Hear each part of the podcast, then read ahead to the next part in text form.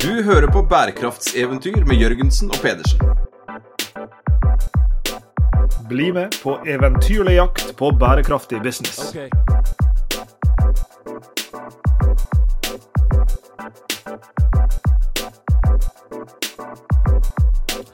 Ja, Sveinung, Som sånn uh, bærekraftsmenneske så vet jeg at folk hele tida driver og uh, revolverintervjuer deg om hvor uh, grønn den siste uka di har vært. Hvor grønn har den siste uka di vært?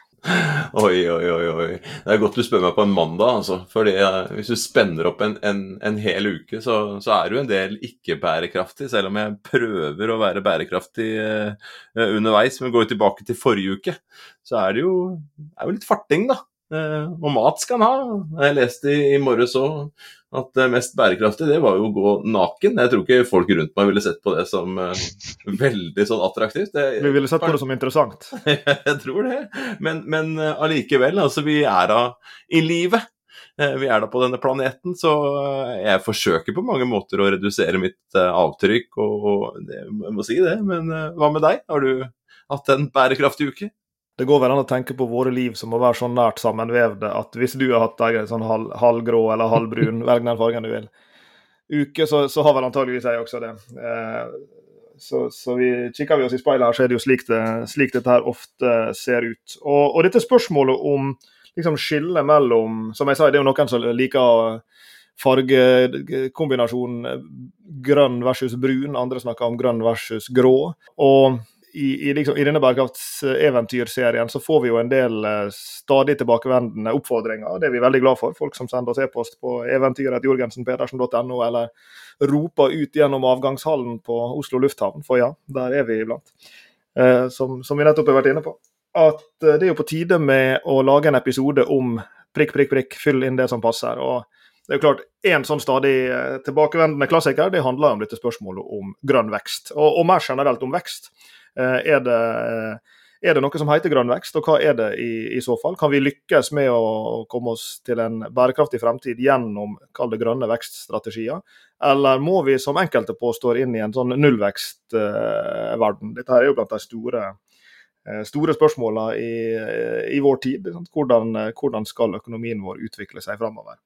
Eh, og hvis du starter på setninga grønn vekst, så er ikke det så veldig lenge før du eh, sier de tre ordene Per Espen Stoknes. Og på en måte så er det litt rart Sveinung, at vi har hatt i, i, i, snakkende stund 100, 112 utgitte episoder av uh, denne serien uten å invitere vår gode venn og kollega Per Espen uh, til denne serien, men nå er altså tiden inne. Det er det, uh, og jeg vil rette litt på det, for vi har invitert og vi har snakka om å gjøre det. Ja, det er faktisk sant. Men vi er jo tre farende fanter og arbeidende vesener, så, så, vi har rett og slett ikke klart å koordinere oss før nå, vil jeg heller, heller si. Men det mm. betyr ikke at ikke vi er særdeles glad for å endelig ha Per Espen Stoknes på besøk. Og Du nevnte grønn vekst, Lars Jakob, og, og, og den, den, eh, tavla som skulle vært fylt ut da, med ulike stikkord rundt dette dette mennesket som vi nå har på besøk her, ja, den skulle jaggu vært svær. altså, For vi går fra grønn vekst og, og, og godt ned i noe annet vi er veldig opptatt av, atferd og, og, psykologien eh, bak det.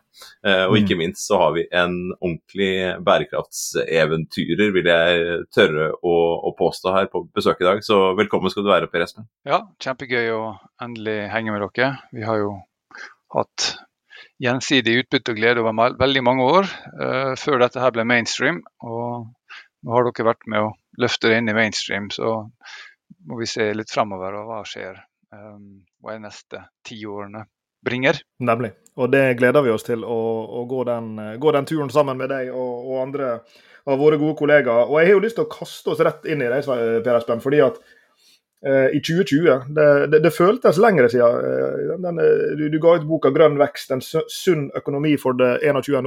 århundre'. og Det er jo en bok som er en referansetekst på, på, på området. Og, og, som jeg sa, når, når, vi sier grønn vekst, så er det veldig veldig mange som, som uh, lukker øynene og, og, ser for seg deg. Og, og, Derfor har jeg lyst til å begynne med et veldig enkelt uh, og greit spørsmål. Hva mener vi når vi sier grønn vekst? og hvordan skiller det seg fra andre typer vekst? Vi er jo økonomer, dette er et fagforum, så la oss hoppe rett inn i det.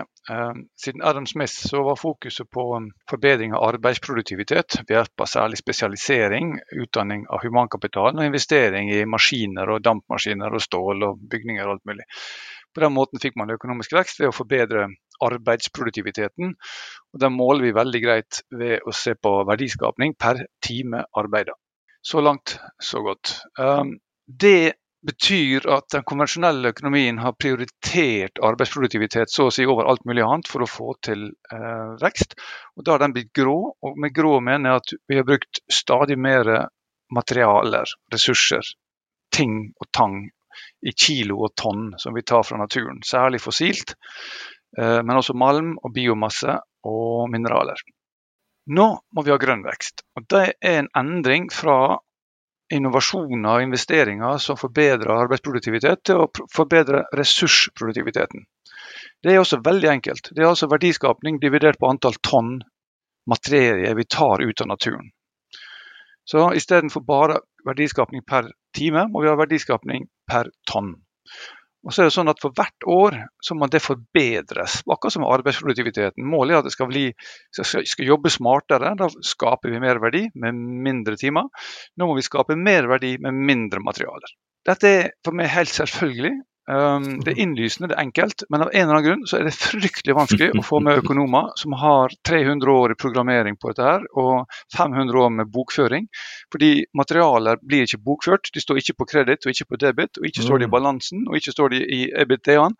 Så det krever at vi utvider regnskapsføringa og får tak i materialstrømmen, ikke bare cashflowen, som heter på godt norsk. Eh, kontantstrømmen.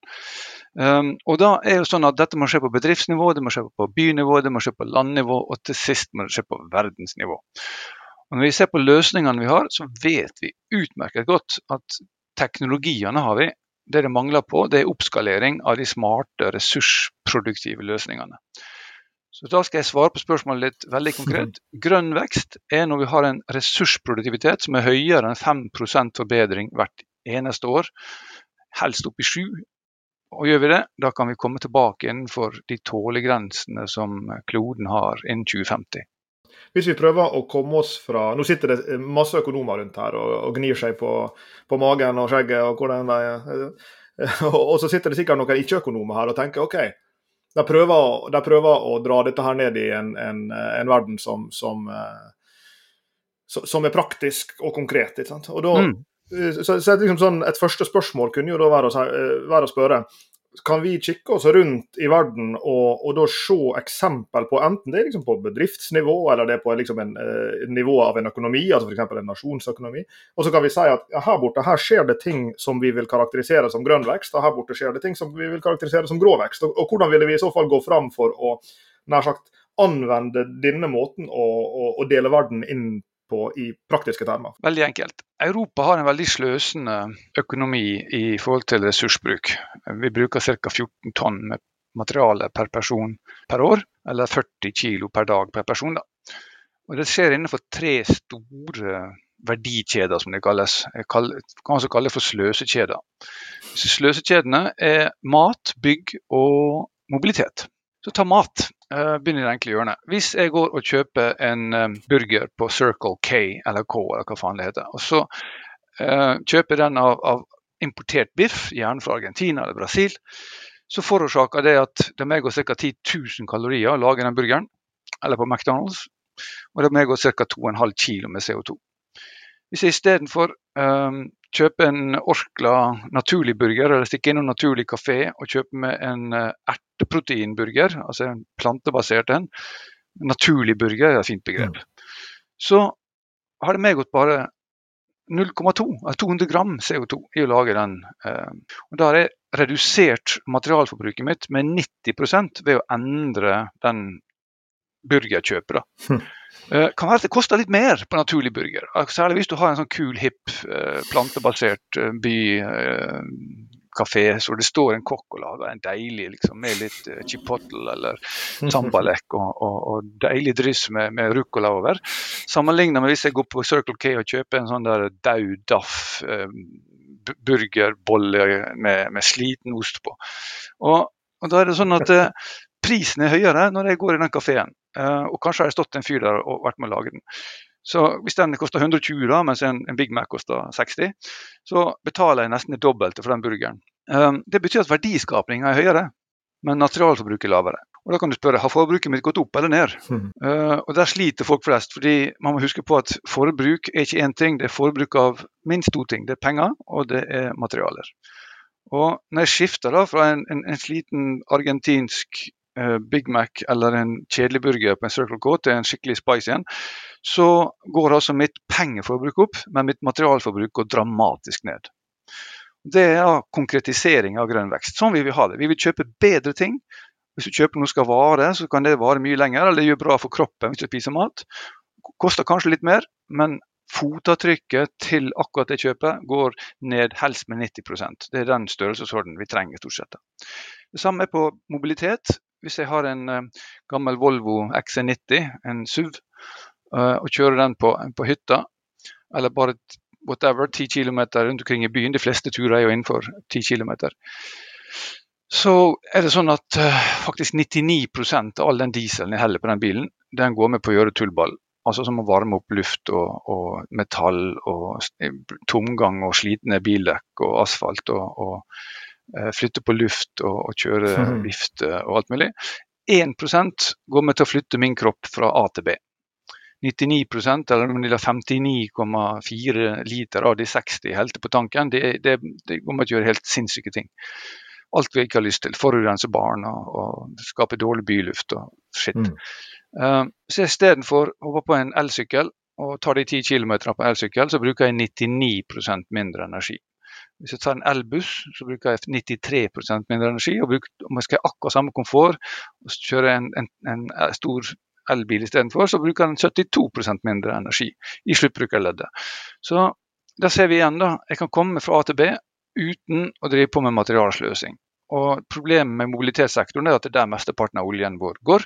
Og mesteparten av oljen vi pumper opp under havet langt utenfor Nordsjøen, der, den blir brukt til å gjøre helt destruktive ting. Ikke noe verdiskapning i hele tatt, men verdidestruksjon. Men det ser ut som verdiskapning på eh, regnearka til folk og, og, og, og bokføringa, men i realiteten så er det bare fordi at det er skjulte kostnader.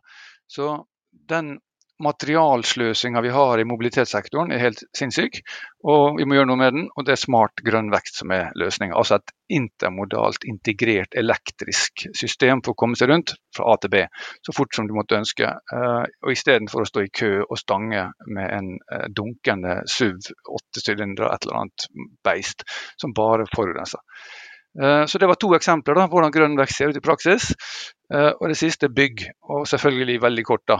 Eh, de fleste bygg er veldig sånne energisløsende greier. De skal enten gass eller strøm, og de bruker 200 kWt med, med, med energi per kvadratmeter i Europa. De kan istedenfor bli plusshus, og da, som dere vet, helt sikkert mange ganger snakka om episoden deres, så har da plusshus sånn at de lager mer energi enn de bruker. Og ikke bare det, de kan lage mer energi over livsløpet sitt enn det som var medgått i å både lage og demontere huset etter 50-60 år. Så både i bygg, mat og mobilitet så har vi utrolig konkrete, smarte løsninger som vi kan rulle ut. Eh, og da får vi mer verdiskapning, bedre livskvalitet og mye lavere sløsing av ressurser. Det er muligheten, og det er grønn vekst i praksis.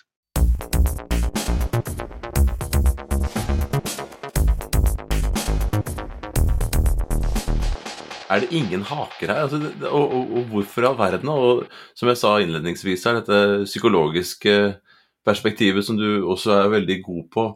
Uh, hva, det virker jo veldig sånn tilforlatelig. Altså de, ja, mat, transport og bygg det er eh, noe vi driver med hver eneste dag.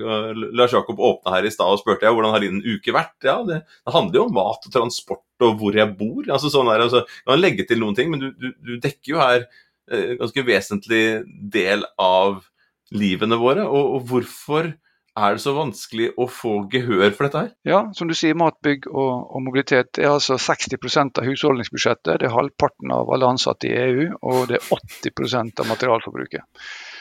Um, så vi har jo andre begreper innenfor institusjonell og evolusjonær økonomi som heter um, path dependency, eller stiavhengighet. Uh, så vi har gått da i over 150 år med å investere da, i disse gamle mm. løsningene. Uh, og Det er veldig vanskelig å komme ut av dem. Så Arkitektkontorer da, full, er full av gamle tegninger og regneark som går på bruken av betong og stål.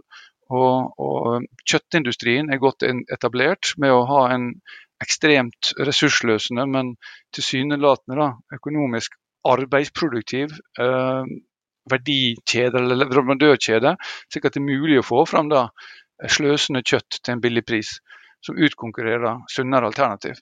Og bilindustrien gjorde jo ingenting før Elon Musk kom og røska opp alt sammen med å spise markedsandeler til toppmodellene til Tesla, eh, til, til BMW og, og uh, Mercedes.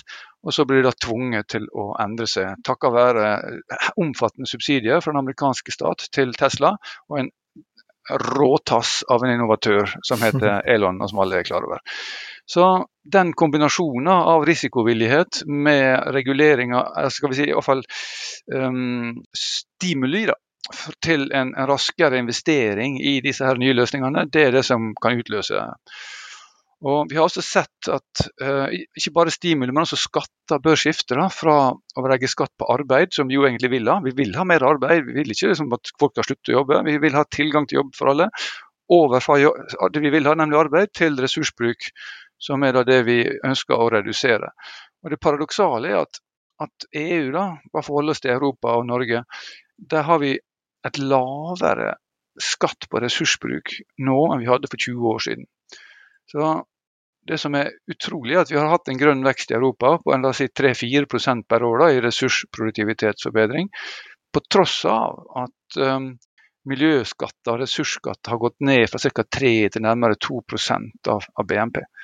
Så politikken må endres. Um, investeringsmønstrene og investeringskriteriene må endres. Og så må vi i tillegg eh, snakke om det her på positive måter, slik at forbrukerne får lyst på det. Det, de må føles teit å sitte i en diesel-SUV. Eh, dette her Ideen om at folk skal liksom kjøre ferdig bilen fordi det er miljøvennlig å kjøre dieselen til den er gammel, det er bare idioti. Eh, det, er humper og det durer og det forurenser. Og hvis du skal kjøre mer enn 20 000 km i livet ditt videre, så kan du bare skrape den der SUV-en din med en gang og gå over på en elbil. Uh, jo fortere, jo heller. Og Det må føles smart og godt og riktig. Istedenfor så syns folk det liksom er sånn, tenker de på, på barna i Kongo og, andre ting som er helt irrelevant.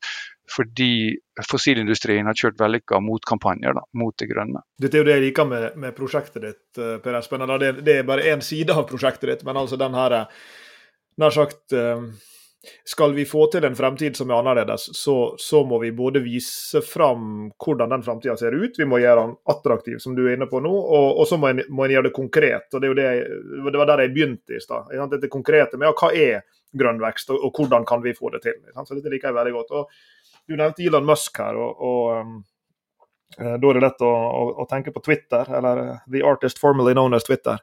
Uh, som, som, jeg, som, jeg, fortsatt har et halvt øye til. Og, og en av tingene som jeg syns er, er, er, morsomt å følge der, det er en langvarig krangel mellom uh, Andy McAfee på MIT, eh, som er kjent for å, å argumentere for liksom, decoupling, altså frakoblinga av, av, vekst og CO2-utslipp. Uh, og på den andre sida av ringen, en fyr som jeg tror heter, hvis jeg uttaler det rett, Jason Hickle, tror jeg han heter, som er en som proponent for, for ikke-vekst. Uh, perspektivet. Nedvekst, til og med. Bjørnar. Nedvekst, ja. ikke sant, nemlig. Motvekst. Og det, det, får jeg litt sånn lyst til å, til å, å be deg reflektere litt over her, i lys av Det var noe jeg likte med at du starta med ikke med valget mellom en Circle K-burger eller en, en, Big Mac og en liksom sånn den der lille veganske kafeen i Kreuzberg i, i, Berlin, hvor det sitter en fyr og, og, og hånddesigner en, en, vegansk burger på, på bakrommet. Men, men, du brukte eksempelet Orkla og naturlig. Altså med andre ord, du tok en, en industriell aktør som vil skalere. Så det var på en måte en fair sammenligning, om du vil. da. Mm. Ja, ok, det, det, er fair å sammenligne eh, McDonald's og Orkla, fordi de prøver på det samme. De prøver å betjene et helt massemarked, begge to. Mm. Så, så jeg, Derfor likte jeg så godt den inngangen. for jeg synes Ofte så havner vi i, i disse her sånn turf wars mellom ja, her er en kjempestor global aktør, og her er en bitte, bitte, bitte liten vegansk kafé som Sveinung pleier å si, hvor du kan spise bestikket etter, etter du har spist maten. ikke sant? Ja. Eh, og, og, da sammenligner vi på en måte ikke sammenlignbare størrelser, for vi må se på ting som kan skaleres til et slikt nivå at ja, i tilfelle mat, da, det kan, det kan mate alle. I tilfelle mobilitet, det kan frakte alle. I tilfelle bygg. Det, det, kan huse alle, fordi vi må ta som et premiss at jo, vi, og det ligger jo også i bærekraftsmålene, at, at, alle skal jo ha, ha, mulighetene til å i det minste kunne, kunne spise, leve og, og bevege seg eh, noenlunde fritt rundt. Um, som vanlig har jeg, jeg malt meg sjøl inn i et hjørne hvor gudene må vite hvor dette spørsmålet er på vei, men, men jeg har en følelse av at du vet sånn omtrent hvor det er på vei. Så jeg kan, jeg kan jo egentlig bare si Per Espen, kan ikke du eh, meditere litt over dette? jo da. Og Du nevnte jo Jason Hickel. og eh, Jeg hadde en eh, debatt med han på eh, Universitetet i Oslo bare for en måned eller to siden. Eh, han hadde sånn Arne Næss professor chair, og jeg var hans opponent. da. Så vi gikk i tottene på hverandre, så det gnistra oppi der på en måte. Og, så Den er jo på stream og kan, kan sikkert få tas i hvis noen av lytterne er interessert i å høre hele debatten. Um, men mitt hovedpoeng er at, uh, at det her nedvekst uh, er en lite konstruktiv endringsstrategi i forhold til skalering, som du er inne på nå, Lars Jakob.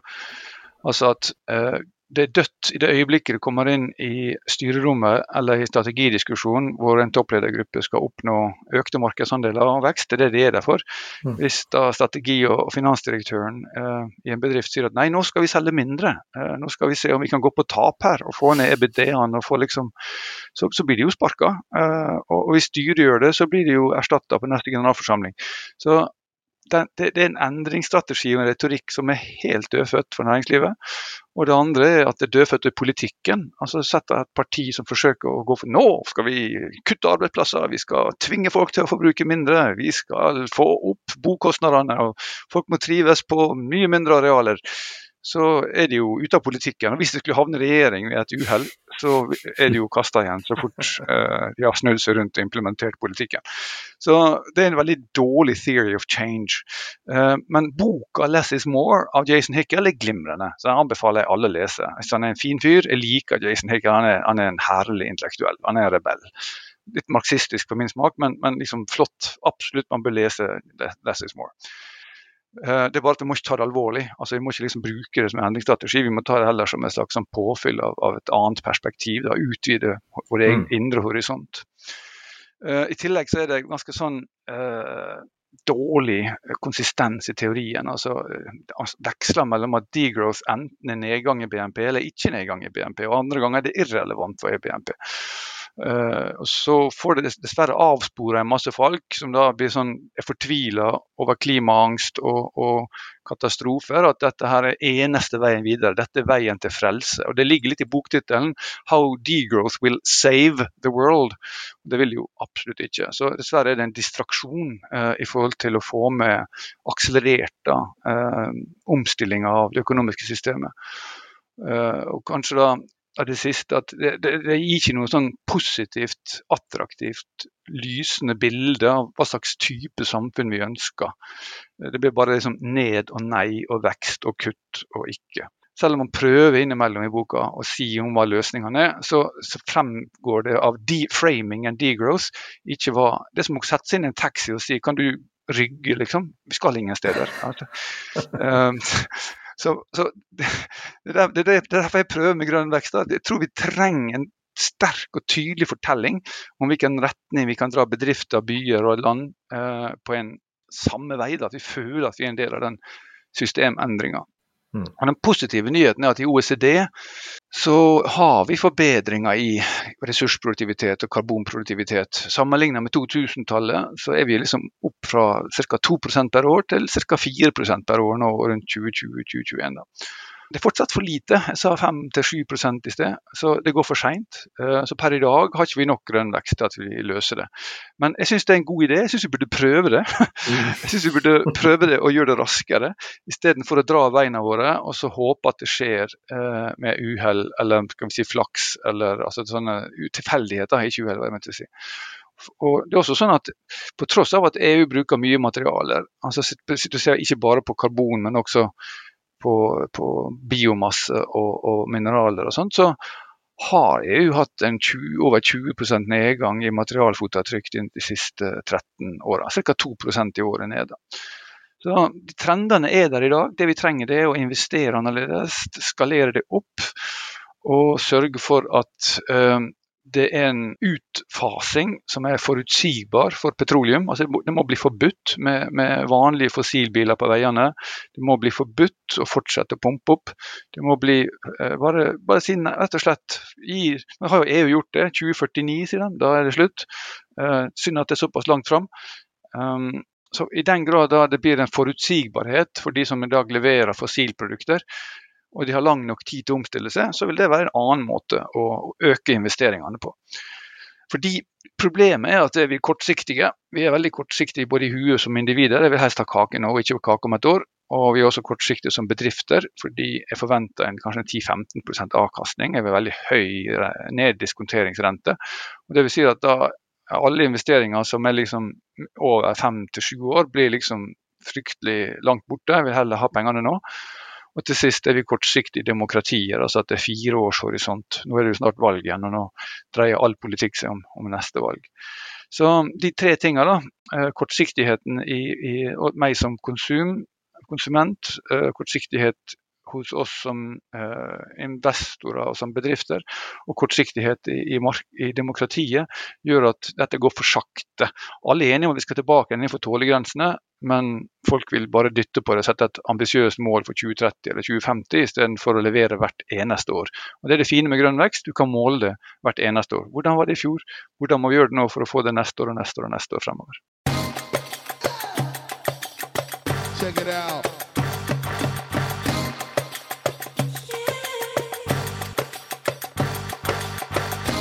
Vekst, det er mange som får utsletta. Uh, i, altså sånn i, i bærekraftskretser. Og, og, og jeg, jeg, skjønner at det kan skape debatt. Og du snakker om stiavhengighet her.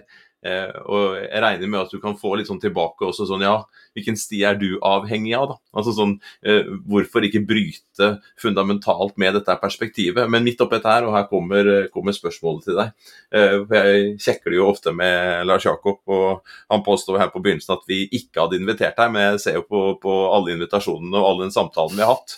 Eh, så, så, er det, det er ganske lenge siden vi snakket om å gjøre dette her, men plutselig så valgte Per Espen å dra ut pluggen sånn skikkelig, og ble omtrent borte fra i hvert fall den der jordkloden jeg har eh, sånn daglig kontakt med. Eh, for der er det litt sånn, sånn, litt sånn brudd med stiavhengigheten, for der drar du jo på, inn i områder av verden hvor mat har de hatt et litt annet forhold til.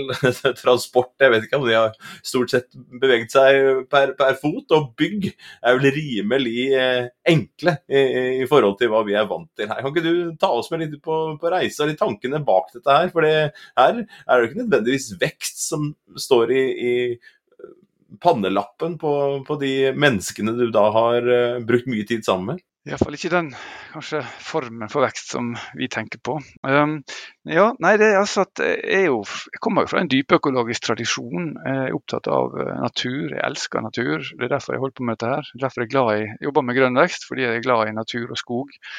Og jeg er på en måte en ekte tree hugger. Jeg snakker gjerne med trær, jeg har gjort det i 30 år. Og lært mer av trær enn de meste andre folk. Og eh, jeg hadde en drøm, jeg fikk en drøm om helt sånn konkret om at jeg svevde over eh, en enorm utstrekning med grønne topper, og kjentes ut som at det var Amazonas. Og det kom inne i en, eh, en, eh, MRI der jeg måtte gjøre en, medisinsk undersøkelse. Og Rundt samme tid så forelå det også en invitasjon om å være med i gruppe da, eh, til, til ekvadorianske Amazonas. Og så Eh, den turen jeg hadde da i 2020, var med å endre liksom, mitt perspektiv, opplevelsen av, av, regnskogen. Og så fant jeg ut at nå må jeg gjøre mer. Så da tok jeg med forskningspermisjon fra BI, fikk innvilga det. Og så dro jeg da og var sammen med achuar-folket i østlige Ecuador, på grensa mot Peru, i månedsvis.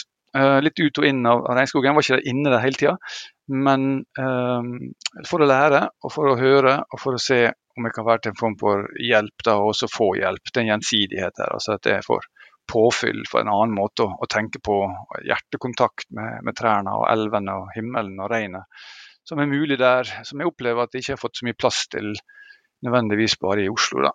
Um, og um, det som er situasjonen der, er jo at de står overfor en såkalt grå økonomisk vekstekspansjon. Der det er snakk om en vei um, fra Andesfjellene. Dette er jo på grensom, grenseområdene som sagt, mellom da Ecuador, Peru, Brasil og Colombia. Det øvre delen av Amazonas. Og nå skal det komme en vei da fra Andesområdene, hvor det er mye veier, altså øst, ja, østover, ja, uh, over grensa inn mot Peru. Um, Og allerede den første veisnutten som kom ned til elva litt lenger oppe, fem-seks timer med kano oppover, da var det nok til at det begynte å bli hogd, ja, denne fintreet eller hardtreet. Som de da kjørte oppover elva i båter, og så tok de på, på lastebil over Andesfjellene og til Stillehavskysten og lessa det opp der da, i båter som tok det til Asia. Og Da var jo verdien av det tømmeret gått hundregangeren, eh, sammenlignet med det som enkelte familier fikk i disse landsbyene. Og ikke bare det, Når én familie får noe penger i hånda, mens en annen familie ikke får, så er det ulikhet, og det blir krangel og konflikt og splid internt i communityene. Så det er jo en klassisk sånn kolonial splitt og hersk-mekanikk. Eh, så Grunntanken er at eh, vi har et oljefond i Norge. Eh, og Det tilhører fremtidige generasjoner. og Vi har, vi har eh, spart litt av eh, kontantstrømmen vår nå for fremtidig økonomisk sikkerhet. Og Hvorfor kan ikke urfolken der, som bor i en enorm naturkapital, nemlig en levende skog, få ha et eget sånn skogsfond, hvor de da kan ha en viss økonomisk usikkerhet som kan hjelpe de å stoppe den type illegal og usikker eh, eh inngang. Da. Så Istedenfor at det blir utnytta og lurt når de selger noen trær billig, så kunne man da ha en, en felles eh, pott og en strategi rundt at hvis man skal hogge, så skal det gå til fellesskapet. Men enda bedre vil det være ikke å hogge noen ting, eh, for det er det de helst vil. Ta vare på skogen sin, ta vare på alle dyrelivet. Apene, papegøyene, jaguaren.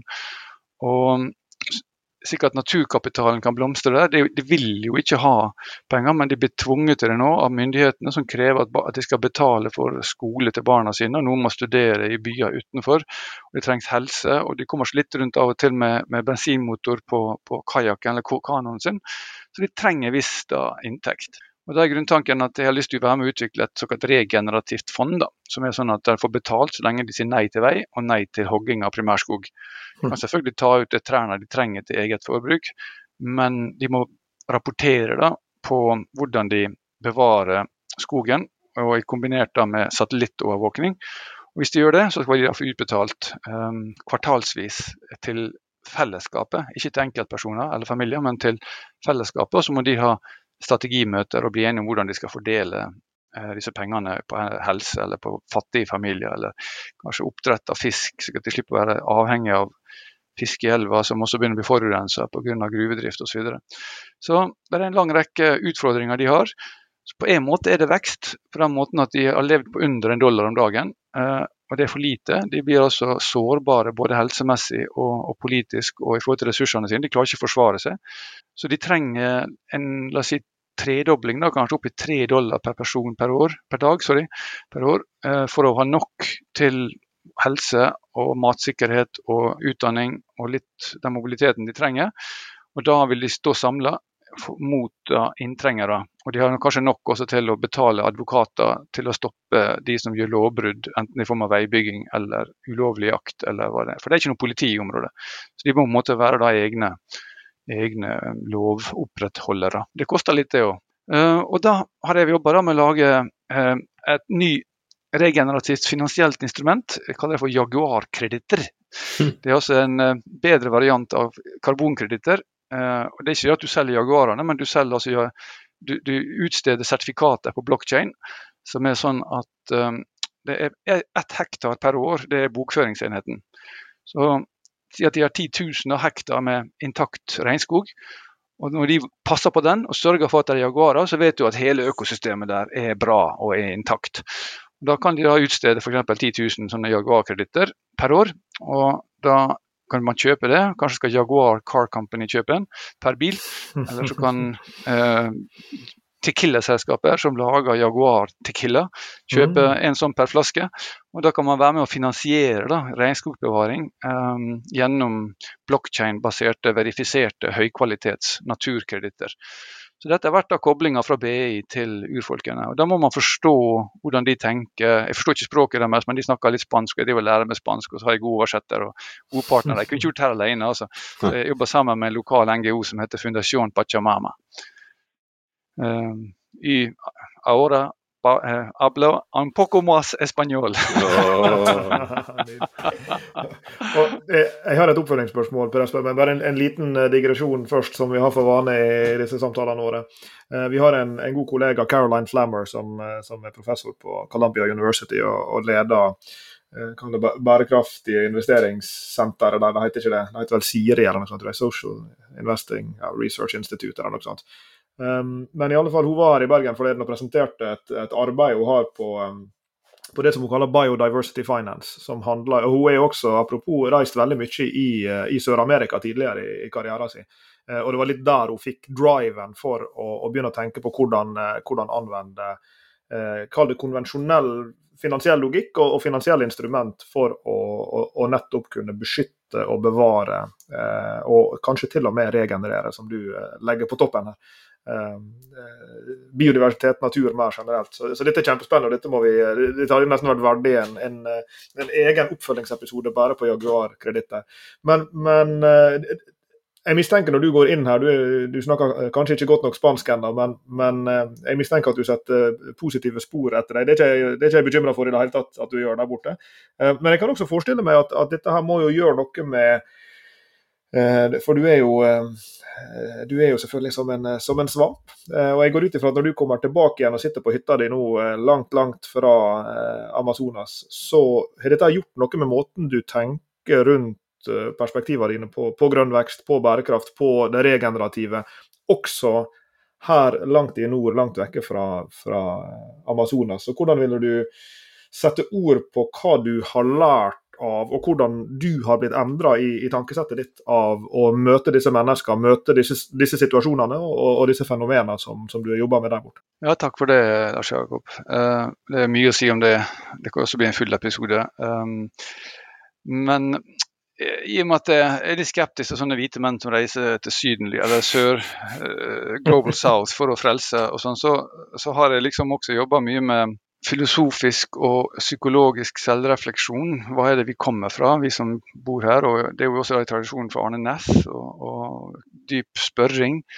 Um, så jeg er opptatt av hvordan uh, urfolkstenking um, er en utrolig flott utfordring til oss i å se hvor langt er vi i stand til å tenke annerledes. Ta inn deres måte å tenke på, deres tradisjoner, på en anerkjennende og nyansert måte. Det fins noe litteratur ute nå som i økende grad løfter fram metaforen om two-eyed seeing, altså toøyd kunnskap. Eh, er vi i stand til å se både med den kunnskapen vi produserer og, og formidler på BI og NHH, med det ene øyet, og samtidig se med mer animistisk blikk, altså anerkjenne at trærne er levende skapninger, at jaguaren er en forfedreånd, at elvene snakker, eh, at um, det er en, en, en, åndelighet i skyene når det regner. Eh, at lynet som sådan er også en levende skapning som du kan gå i relasjon til. At den rosa delfinen er en sjaman, elvas sjaman, osv. Og de fleste akademikere har ikke verken eksponert for det eller mener at dette ikke er relevant, men jeg jobber da med two-eyed knowledge, eller det er en form for hva skal til for at vi skal bli um, så innvevd i relasjonen til naturen at vi kan høre hva trærne sier, at vi kan høre stjernenes sang, at vi kan kjenne oss som en del av kretsløpet av vann som fly, jo flyter gjennom oss. Når jeg drikker vann her fra bekken eller drøm, fra brønnen, så er det jo vannet i landskapet som også renner gjennom meg. Jeg blir en del av det. Denne innvevdheten i landskapet er noe som også det norske urfolket, det samiske, eh, eh bærer av. Så jeg har også vært involvert i et dokumentarfilmprosjekt om sørsamisk eh, offertradisjoner. Mm. Det er helt naturlig at når du opplever at du er en del av verden, når du opplever at du får vann og mat, og sånt, så får du lyst til å gi noe tilbake. Den evnen til å gi tilbake til naturen, når du tar noe, skal du gi noe tilbake. Hvis du tar livet av en rein, f.eks., så må du gi blod tilbake. Um, hvis du tar uh, et dyr i skogen i Amazonas, så gir det noe tilbake. Um, det har ikke vi i vestlig tradisjon. Vi bare tar, tar, tar og tar og tar. Så vi tar olje, vi tar fisk, vi tar trær, vi tar fjell, vi tar elver, vi tar fosser. Men vi gir aldri noe tilbake. Og Det syns jeg er et perspektiv som urfolk stiller oss overfor, som vi har til gode å gi et godt svar på. Hva gir vi tilbake når vi tar milliarder av tonn med ressurser fra naturen? Uh, hva vil det si å gi tilbake? Um, hvordan gir man noe tilbake? Uh, er, det, er, det, symbolsk, sånn som et lite takkoffer? Det kan det være. Er det måten vi snakker på? Det kan det være. Men også konkret. Hvordan restaurerer vi? Hvordan uh, vi, spiller vi på lag med elva og laven og, og ekornet og, og elgen og fiskene, tareskogen. Hvordan kan vi gjøre sånn at, at, det er bedre for naturen etter at vi har tatt, enn før? Og Det er jo for så vidt en konservativ verdi, det er ikke liksom en sånn venstrevridd greie. Hvordan kan vi etterlate gården så å si, i et bedre tilstand enn det vi overtok den på? Den tankegangen, både å ta vare på, men også å være bevisst at dette er en gjensidighet. at kanskje da, altså Hvis vi vil bli urfolk, da, så tror jeg at Um, veien til å bli et, et, urfolk i Norge, norsk kultur, det er gjennom gjensidigheten. Mm. Å utdype gjensidigheten, både i samtale, i forståelse, men også eh, vilje til regenerering og restaurering, og, og gi noe tilbake. Um, så Det er mitt nye bokprosjekt. Jeg skriver nå en bok som heter 'Rewilding Within'. On Regenerative Leadership and Finance. Og Det er inspirasjon i stor grad um, tankegods og fortellinger og kultur fra urfolk. Så det, vet ikke hvor lang tid det tar, men det kommer til å komme ut på et eller annet tidspunkt. og Det er en slags sånn filosofisk, psykologisk videre reise da, basert på Grønn vekst-boka og litt av Earth for All-boka, som ikke vi heller snakker om til hvordan dette ser ut innvendig. Hvordan kan vi bli toøyde og se både ut fra vårt urfolks blikk, men også ut fra vårt vitenskapelige blikk. Uten at det ene dominerer over det andre, men at de er komplementære.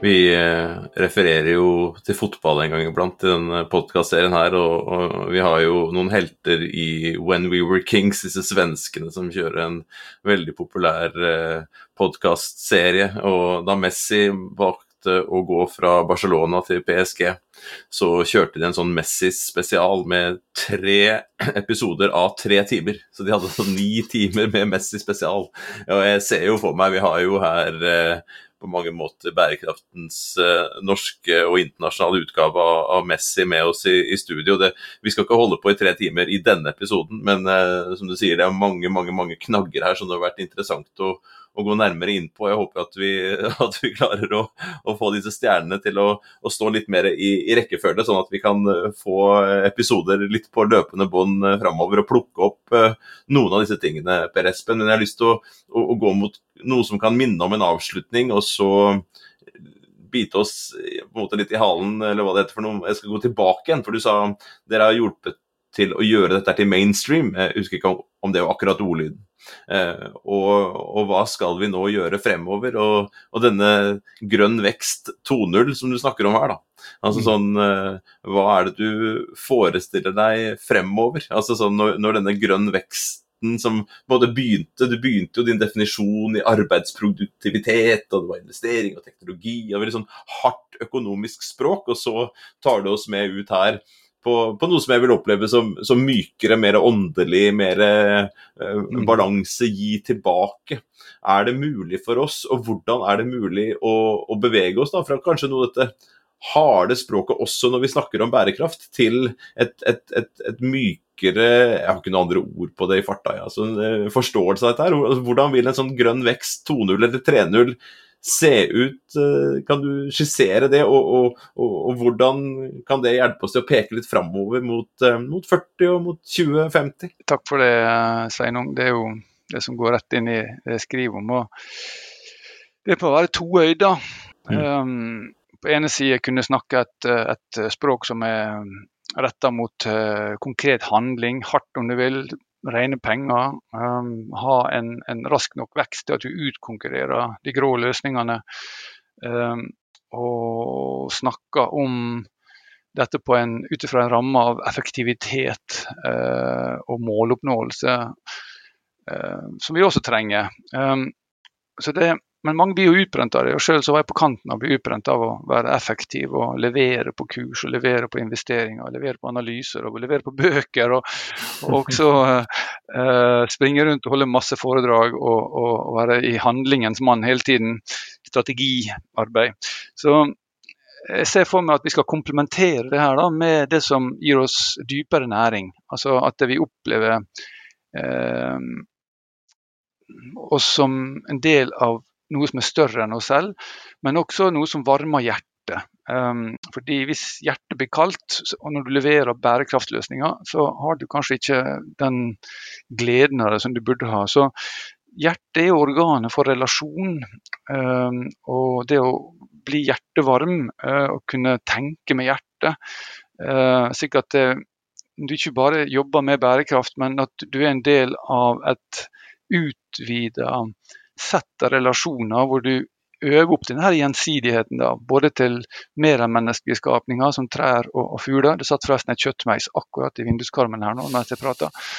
Uh, og uh, får noe tilbake igjen når du gir den der ut, det, det er det varme hjertet. I tillegg så må vi jobbe med mer imaginasjon, mer forestillingskraft, bredere fortellinger om verdi. fordi det er det urfolk gjør. De forteller om forfedrene, om dyr og om om du vil da, underverden, men det er et språk for verdi. Eh, og Det er også vår bokføring. Bokføring er et måte å å gjøre regnskap med verdiene våre på, målt i penger. Eh, og det er viktig. Men vi trenger andre fortellinger som også er verdispråk, som komplementerer den der bokføringsfortellinga. Og Da er det imaginasjon, fortellerkunsten, forestillingskraften som gjelder. Og det, Der er også urfolk veivisere for oss, fordi de lever ikke bare i en, en, en, en sånn reduktiv fysisk verden, men de lever også i en fortellende verden. De lytter til fortellingene som er rundt dem. Og til sist er det vil jeg si, der hvor vi jobber med handling ut fra mekanistisk tenking, og det er det som gjør at det blir sånn reduksjonistisk og hardt ofte, så må vi utvide til en større grad av tilstedeværelse. slik at det vi opplever faktisk eh, skyene over oss, ikke bare snakker om klima. Vi kan kjenne lufta når du puster.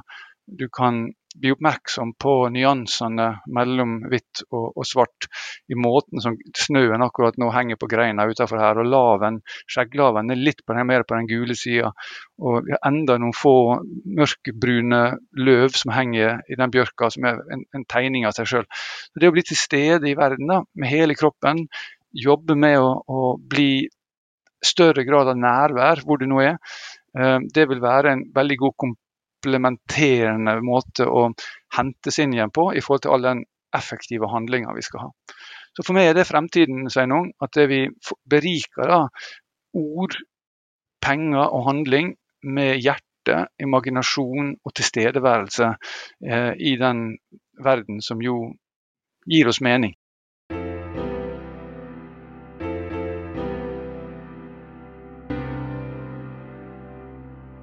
Sitter en kjøttmais utafor vinduet til Per Espen. Der skulle vi gjerne vært sjøl. Ikke utafor vinduet, Per Espen, vi ville helst vært på innsida. Men, eh, men, der ute der er jo det snø, og, og det kan hende at eh, flere av lytterne våre driver nå og planlegger for uh, turer til fjells, akkurat som du har, har gjort på, på, denne mandagen i slutten av, av, november. Og Da er det jo godt å vite for da, at i påvente av neste gang planetene står på rekke og vi tre får satt oss ned og prata sammen, så, så, er det mye, mye stoff de kan lese på. Jeg har lyst til å avslutte litt der. Jeg, jeg innleder jo med 'Grønn vekst, en sunn økonomi for det 21. århundre', som jeg er sikker på at mange av, av lytterne våre har, har lest, uh, og andre ikke. Uh, 'What We Think About When We Try Not to Think About Global Warming', en, en annen bok av, av Per Espen som er verdt å ta med seg til, uh, til fjells. Og så vil jeg også nevne denne boka som du helt riktig du var inne på. Da, og vi, vi, kom ikke så langt. 'Earth for All, A Survival Guide for Humanity', som, som du har skrevet for ikke lenge siden sammen med en, en en gruppe spennende folk. Eh, Jørgen Randers, Johan Rockstrøm og eh, med, med flere. Eh, som da også handler jo om nettopp dette veikartet som du var inne på på slutten her. Og så er vi glad for at du driver Du brukte ordet bokføring her, og du driver jo en, en form for bokføring sjøl. Du, du, du, skriver disse bøkene og, og, deler dem med oss andre, og vi gleder oss til han omsider popper opp den som blir konsekvensen av disse spennende reisene som du har foretatt de siste åra. Eh, både i, i, i, fysisk forstand og for, forbi det fysiske. Eh, Så med det Per Espen, så sier vi tusen takk for at du var med på Bærekraftseventyr denne gangen. Og så gleder vi oss allerede til neste gang. Kjempegodt å være med dere, karer. Eh, vi er på en måte litt sånn eh, brothers in arms, føler jeg. Eh, der dere tar NHH og jeg tar BI, og så tar vi Manhattan neste runde. Nydelig. Du har hørt på Bærekraftseventyr med Jørgensen og Pedersen. Send e-post til eventyrkrøllalfa.jorgensenpedersen.no for å stille spørsmål eller komme med forslag til tema for fremtidige episoder. Og besøk jorgensenpedersen.no for mer informasjon om denne podkastserien. Okay. Derfra kan du også fortsette samtalen med oss i sosiale medier på Twitter, Facebook, LinkedIn, YouTube og andre steder.